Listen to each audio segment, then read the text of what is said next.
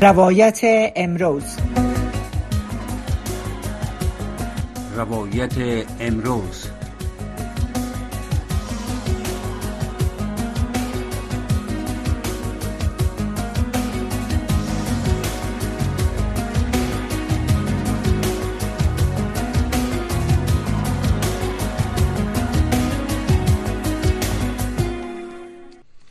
شنوندگان عزیز سلام شب همه شما بخیر. حفیظ آصفی هستم و خوشحال هستم با تقدیم برنامه روایت امروز با شما هستم. شما شنیدید که روز گذشته هفت افتاد و پنجمین سالگرد اعلامیه جهانی حقوق بشر بود که هی اعلامیه پنج سال قبل از طرف سازمان ملل متحد تصویب شد و همه کشورهای عضو این مسئله را هم تصویب کردن و از او حمایت کردند در رابطه با مسئله حقوق بشر نشست روز شنبه در هالند در شهر امستردام تحت عنوان بحران پناهی پناهجویان افغان و وضع فاجبار حقوق بشر در افغانستان راه اندازی شده بود که شماره از از فعالان حقوق بشر نویسندگان و دستندرکاران مسائل اجتماعی اونجا حضور داشتند در بحث امشب در رابطه به این نشست چی مسائل صحبت شد و چی راه های حل پیشنهاد شد صحبت می‌کنیم. مهمان محترم برنامه جناب آقای کریم پیکار پامیر نویسنده و تاریخ نگار هستند که در این نشست حضور داشتند. پرولیسر برنامه میگن که جناب آقای پیکار پامیر با خود روی خط داریم. جناب آقای پامیر سلام با شما خوش آمدین. تشکر از اینکه دعوت مرا پذیرفتین. صدای مرا دارین؟ بله درود و سلام خدمت شما آصفی گرامی. و شنونده های گرامی برنامه. تشکر.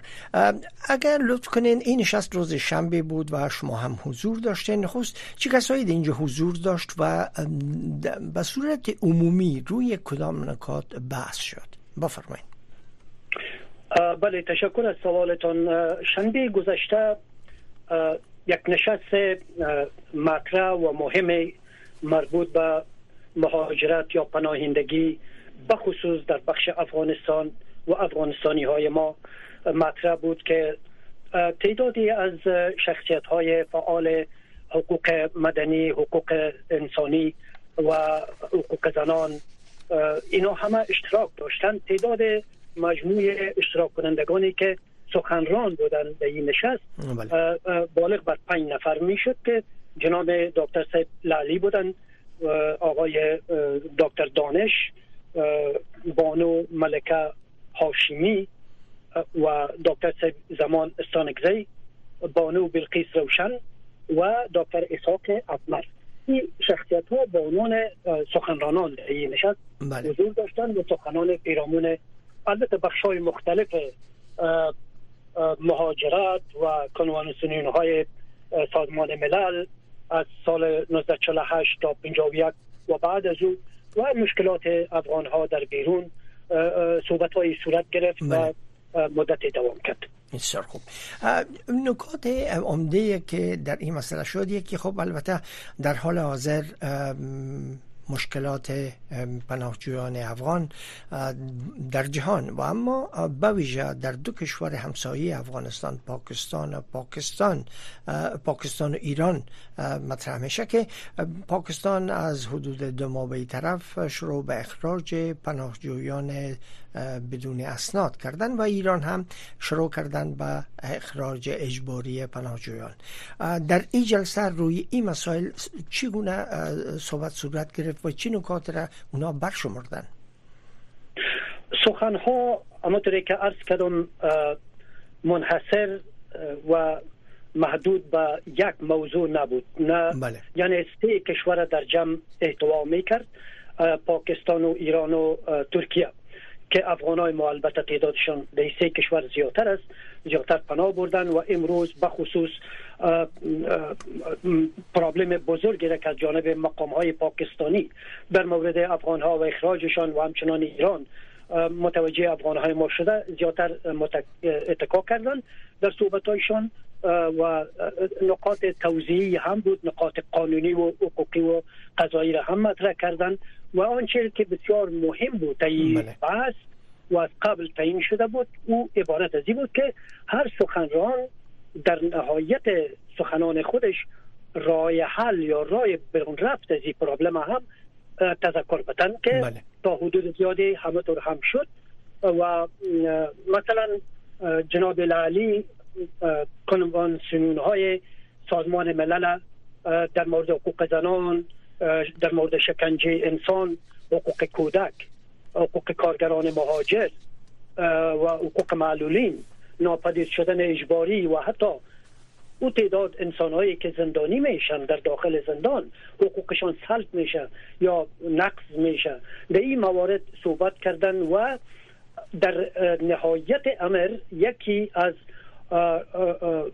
راه های پیشنهادی به خاطر برون رفت از همه موزلاتی بود که فرمودن که تا زمانی که قدرت دولتی در افغانستان به نیروهای ملی و مترقی تعلق نگره یا به معنای دیگه که تا یک دولت مردمی بله. مسئول مشروع و قانونی در افغانستان به وجود نبیاید سرنوشت مهاجرین و پناهنده های ما آشفته خواهد بود بله. این جناب العلی البته بیشتر از ده دقیقه صحبت داشتن توضیح کردن و ما شنیدیم. بله.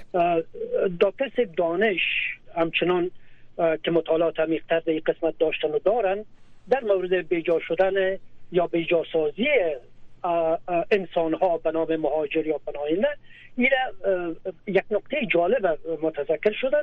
و این بود که گفت امروز نزد قدرت های بزرگ بیجا سازی ها به امر یک بزنس و تجارت مبدل شده. یعنی عمدن می‌خواهند بحران خلق بکنن و به سر این بحران در کشورها هزارها هزار انسان هم مجبور بسازند که از زادگاه خودشان بیجا شوند و به بیرون مرزها برند تا خود قدرت ها مجال مدیریت کردن بالایی بحران حاصل بکنن. بله. این این نقطه نقطه خوبی بود نقطه جالب بود. و همچنان تذکر دادن که از سال بخصوص 19 اه، اه، 2007 بله. از سال 2007 و بعد سیاست امریکا مبنی بر اوضاع افغانستان در قبال طالبان تغییر کرد متحول شد. یعنی دیگه او جدیتی را که در برابر سرکوب تروریسم و یا طالبان و یا حفاظت و حمایت از دولت به سر اقتداری که تحت رهبری آقای کرزی به وجود آمده بود در افغانستان این رها کردن و یک نوع گرایش به طرف طالبان پیدا کردن که این مدت ها دوام کرد و موجب نقص حقوق بشر در نقاط مختلف افغانستان شد و تعداد زیادی از مردم ما را مجبور ساخت که حتی افغانستان ترک بودن نه تنها بیجا شدن ها و کوچ های داخلی بلکه بیجا شدن ها و کوچ خارجی هم در این مورد صورت گرفت. و با عنوان رای حل گفتن که در نهایت امر تا زمانی که افغان های دردمند و مسئول و متعهد و خصوص در بیرون افغانستان یک چتر واحد که ایجاد به عنوان یک بدیل به وجود نبیارن که همه افغان ها طرفداران حقوق بشر و طرفداران حقوق انسان زیر این چتر یک جا شوند و صدای متحد خود بالا کنند تا تمام مراجع بین المللی این سخنها را بشنوه و در این قسمت داخل اقدام موثر شوند. بله.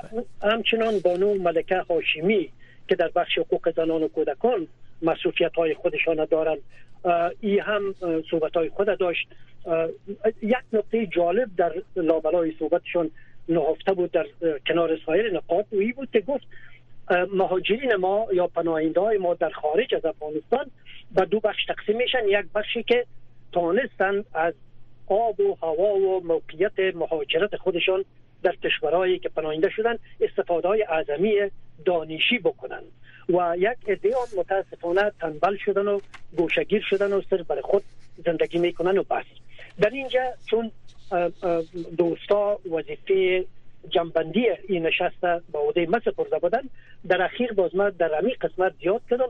گفتم موضوع پرورش نسل جوان ما پرورش نسل جوان ما در غربت در مهاجرت و پناهندگی و همچنان اتکا به این نسل به فراموشی رفته و در این کنفرانس متاسفانه یادی در صحبت ها نشد که باید در این مورد گنجانیده شود و ما سر نسل جوانی که تربیت شدن خوشبختانه به مدارج عالی علمی رسیدن در کشورهای مختلف و همچنان می‌تونن با عنوان کلید حل مسائل با کشور عزیز ما شوند هم توجه داشته باشیم. این پیشنهادی بود که ما در اخیر خدمتشان تقدیم کردم.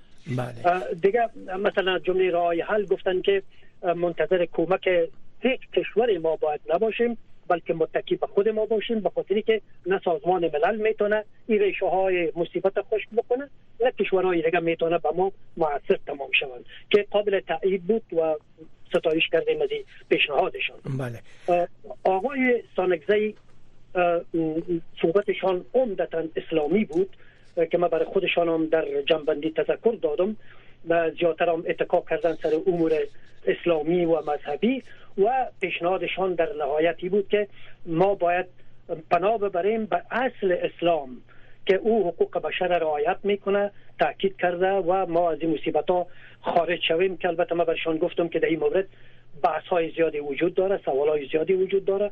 این باید طی بحث های جداگانه باید حل شود و گره کشایی شود همچنان بانو بلقیس روشن که در این نشست حضور داشتن مانند همیشه صحبتشان بسیار گرم و بسیار جدی بود و گفته شد که همیشه ظرف 20 سال گذشته در افغانستان تپیدن و به خاطر حقوق بشر به خاطر حقوق زنان و مردم افغانستان صحبت داشتن انتقاداتی داشتن که همه شنیدیم و دیدیم بله. رای حل نهایی را که پیشنهاد می‌کردن گفتن که مبارزه مبارزه و مبارزه یعنی هیچ زمانی ما افغانا نه در داخل افغانستان نه در خارج افغانستان. دست از مبارزه دائمی به خاطر رسیدن به حق متوقف شویم. نباید توقف بپذیریم. و یک مثالی که دادن از موضوع فلسطین و مبارزات 75 سالیشون بود که گفتن با قدر رسا استاده مبارزه می‌کنن و استاده میمیرن. و تا وقت پیروزی هم همچنان مبارزه می‌کنن. خب همچنان آقای اتمر ساق اتمر صحبتایشان تا حدودی البته تکرار مکررات بود و باز هم به این نظر نهایی بودن که صدای ما را باید به انواع مختلف به گوش جهانیان برسانیم و متحدانه و با وحدت نظر حرکت بکنیم. یعنی فشرده صحبت ها و راه های حل همی بود که البته بحث باز تقسیم شده بود در ورکشاپ های مختلف که اون قسمت هم باز اگر شما خواسته باشین توضیحات بله. روشنی منتظر بینه تشکر جناب آقای پیکار پامیر از تشریحات بسیار مفصل و کسایی که در اینجا بودن و جنبندی کردن و جنبندی که شما کردین از ای بحث. حالا اگر پس بیم مستقیم امرای شما و نظر شما را بخوایم. بعضی به این نظر هستند در حالی که حکومت طالبان از طرف هیچ کشوره بر رسمیت شناخته نشده. آیا حکومت طالبان ملزم بر رعایت قوانین بین المللی است؟ به نظر شما؟ خب طالبان اگر ادعا دارند که واقعا دولت مدار هستند و حاکمان رسمی افغانستان کنونی بله ملزم هستند به اساس قوانین بین المللی.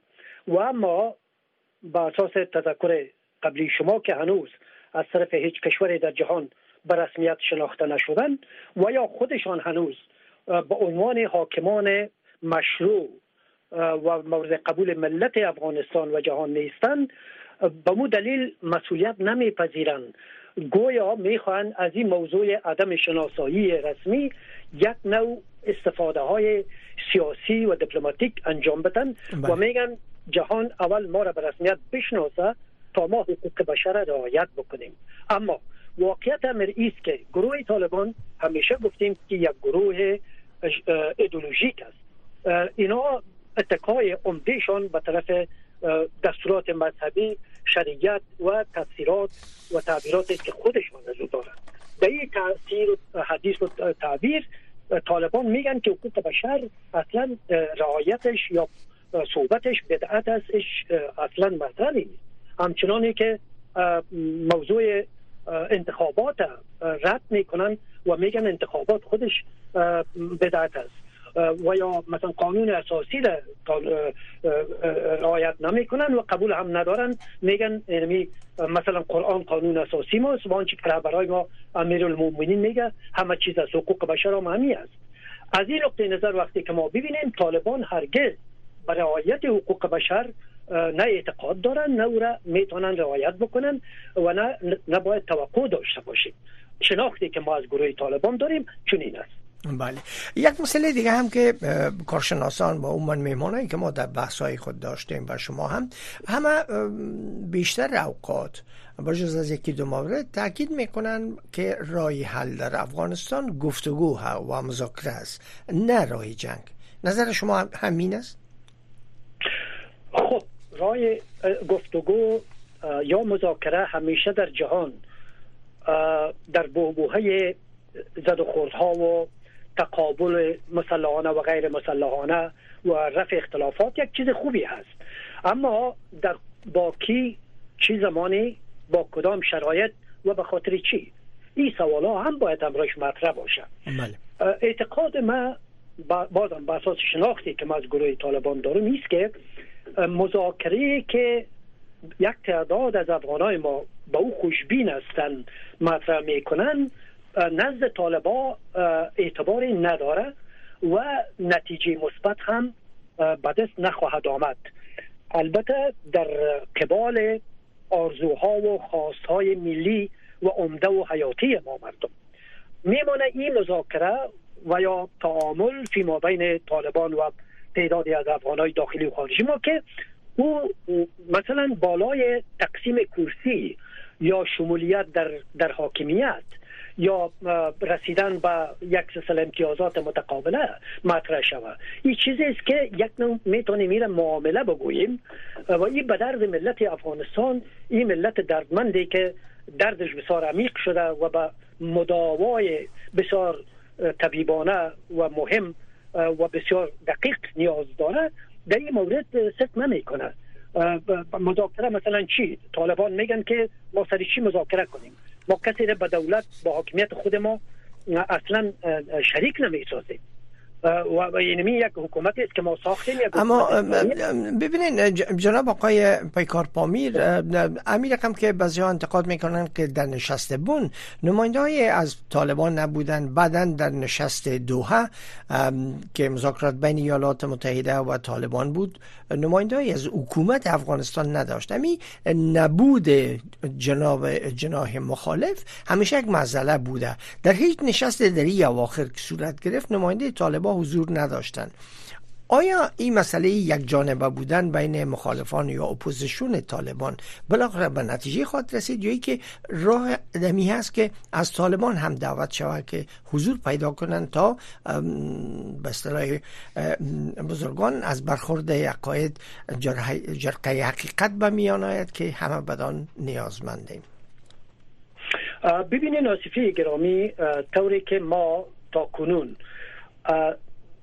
جریانات و نشست ها و تماس ها و معاملات تعقیب کردیم دنبال کردیم. تا کنون ده ها کنفرانس ده ها نشست پیرامون افغانستان و موزلاتش پس از با حاکمیت رسیدن مجدد طالبان. در کشورهای مختلف و گوشه و کنار جهان دایر شده صورت گرفته. در بعض از اینها نماینده طالبان حضور داشته و در بعض از این نشست ها و کنفرانس ها نبوده در جایی که نماینده طالبان نبوده خب در غیابشان حرفایی گفته شده و فیصله های صورت گرفته و طالبان هم اون نشست ها و فیصله ها را رد کردن و گفتن که ما نمایندگی نداشتیم لذا مورد پذیر شما نیست.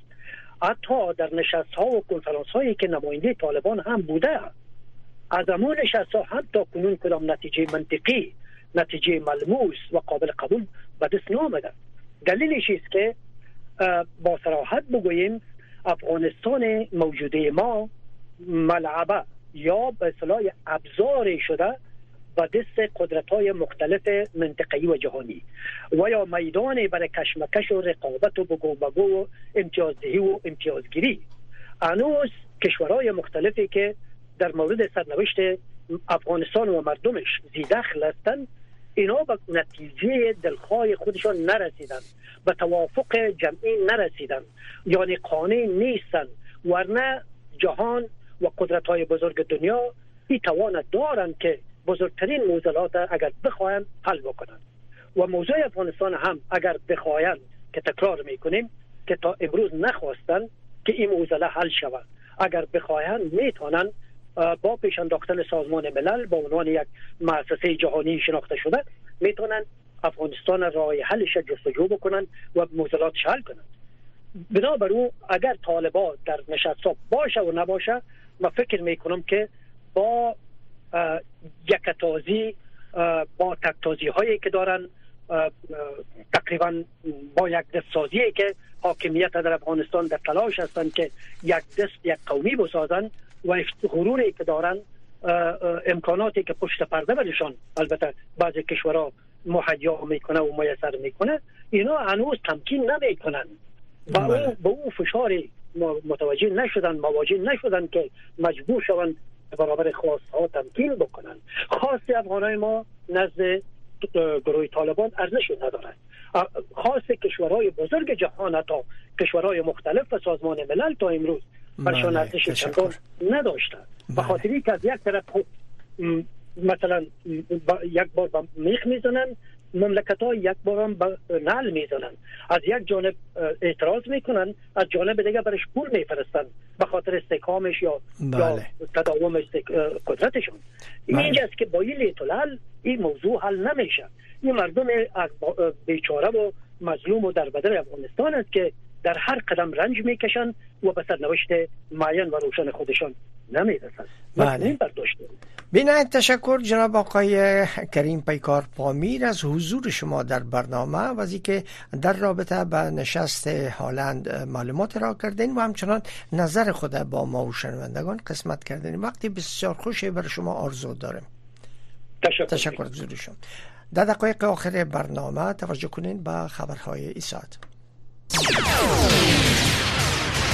شنوندگان عزیز سلام. شب همه شما بخیر. حفیظ آصفی هستم. توجه کنید به خبرهای این ساعت. اعضای شورای امنیت ملل متحد روز دوشنبه 11 ماه دسامبر بار دیگر پشت درهای بسته در نشست بر اساس سفارش های هماهنگ کننده ویژه و بازرس مستقل منشی عمومی این سازمان در مورد وضعیت زنان و دختران افغان بحث می کنند پیش از این شورای امنیت در هشتم ماه دسامبر گفته بود که این نشست با موضوع دیدگاه زنان در مورد افغانستان و دعوت نماینده سوئیس و به حمایت نمایندگان ژاپن و امارات متحده عرب در دفتر نمایندگی سوئیس در سازمان ملل متحد برگزار خواهد شد.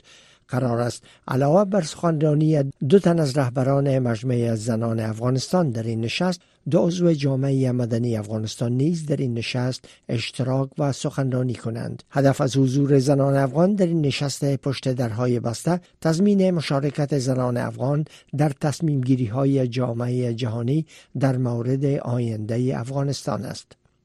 کارگاه زیر نام آموزش برای او پیشرفت برای همه با تمرکز بر ایجاد چارچوب واحد برای رسیدگی به های فراراه آموزش دختران در افغانستان روز یک شنبه دهم ماه دسامبر در دوحه پایتخت قطر برگزار شد. بانک طالبان در دوحه دفتر سیاسی دارند اما هیچ نماینده این گروه در این نشست شرکت نداشت. مرکز مطالعه منازعه و امور بشری در همکاری با وزارت های خارجه قطر و اندونزیا این کارگاه را برگزار کرده و در آن کارشناسان ارشد سازمان های بین المللی و سایر جناهای دخیل در مسائل افغانستان پیرامون مشکلات ریزنی کردند که صد راه آموزش زنان و دختران در افغانستان شده است. سازمان عفو بین الملل فراخان را زیر نام پایان دادن به عقبگرد حقوق بشر در افغانستان و مناسبت روز جهانی حقوق بشر را اندازی کرده است. جزیات بیشتر را از فوزی ایسان می شنوید عفو بین الملل روز یکشنبه گفت که طالبان از زمان به قدرت رسیدن در 15 آگوست سال 2021 در افغانستان دور جدیدی از سوء استفاده و نقض حقوق بشر را آغاز کرده است. و گفته این سازمان نه تنها مقام های طالبان وعده خود را مبنی بر حمایت از حقوق مردم افغانستان و ویژه حقوق زنان زیر پا گذاشتند بلکه چرخه خشونت را اثر گرفته و با مسئولیت کامل دست به نقض حقوق بشر زدند. عفو بین الملل گفته است که حکومت طالبان در سال اول حاکمیتش به طور سیستماتیک نهادهای کلیدی برای حمایت از حقوق بشر را منحل کرده است. آزادی بیان، همایش، محاکمه عادلانه و سایر حقوق را تحت فشار قرار داده است.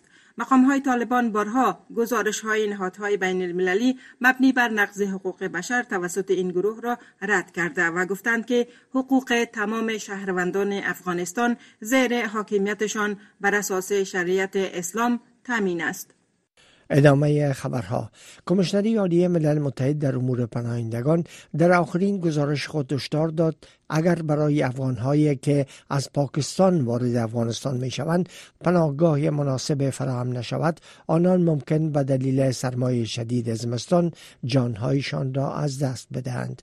اسلام آباد در اوایل ماه اکتبر سال روان میلادی اعلام کرد که همه پناهجویان بدون اسناد تا اول ماه نوامبر آن کشور را ترک کنند در غیر آن نخست آنان دستگیر و سپس از آن کشور اخراج می شوند از آن زمان تا کنون نزدیک به 500 هزار افغان پناهنده یا مجبور به ترک پاکستان شدند و یا هم از آن کشور به طور جبری اخراج شدند. خبرهای منطقه و جهان را از رادیو آشنا صدای امریکا می شنوید. محکمه عالی هند امروز دوشنبه یک تصمیم سال 2019 حکومت نریندرا مودی را برای سلب وضعیت خاص منطقه مورد مناقشه جموں و کشمیر به حیث یک منطقه نیمه خود مختار با قانون اساسی جداگانه تایید کرد. پنج قاضی محکمه عالی قانون اساسی حکم کردند که وضعیت خاص این منطقه یک تصمیم موقتی است و سلبان در سال 2019 از لحاظ قانون اساسی معتبر بوده است این حرکت غیر منتظره همچنان این منطقه را به دو بخش قلمروهای فدرالی به نام لدخ و جمو کشمیر تقسیم می کند که هر دو مستقیما توسط حکومت مرکزی بدون یک قانون متعلق به خودشان اداره می شود. مصری ها امروز در دومین روز انتخابات ریاست جمهوری آن کشور شرکت کردند که در آن عبدالفتاح السیسی رئیس جمهور برحال با هیچ رقیب جدی مواجه نمی باشد. این ریگیری پیروزی او را برای یک دور دیگر تضمین خواهد کرد که تا سال 2030 در قدرت باقی بماند. این انتخابات توسط جنگ اسرائیل و حماس در غزه تحت شاه قرار گرفته است. تقریبا تمامی توجه مصری ها بر جنگ در سرحدات شرقی کشورشان و رنج غیر نظامیان فلسطینی در آن منطقه ساحلی معطوف شده است. مقام های فیلیپینی امروز دوشنبه بعد از آن خشم خود را بیان کردند که کشتی های گارد ساحلی چینایی روز گذشته با سلاح آبپاش بر یک قایق تأمیناتی آن کشور در بحیره جنوب چین هجوم برده اطراف آن را محاصره کردند. سخنگوی وزارت خارجه فیلیپین گفت که این وزارت سفیر چین را فرا خوانده و اعتراضنامه دیپلماتیک را علیه بیجینگ ارائه کرده است. لوی درستیز اردوی فیلیپین امروز گفت که او با نیروهای فیلیپینی هنگامی که این مقابله رخ داد در داخل قایق حضور داشت.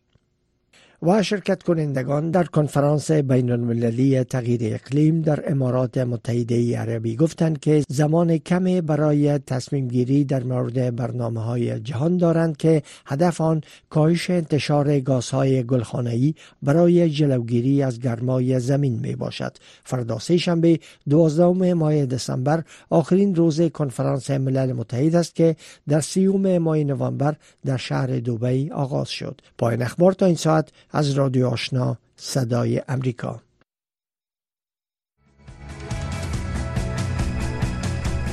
شنوندگان عزیزی بود داشته های برنامه روایت امروز که در همینجا به پایان رسید اما نشرات پشتو و دری رادیو آشنا صدای امریکا همچنان ادامه داره برنامه بعدی ما ستاسو غرق صدای شماست که همکارانم رناداران غرزنگ و سید عزیز الرحمن را گردانندگی می‌کنند. شنونده رادیو آشنا باشید.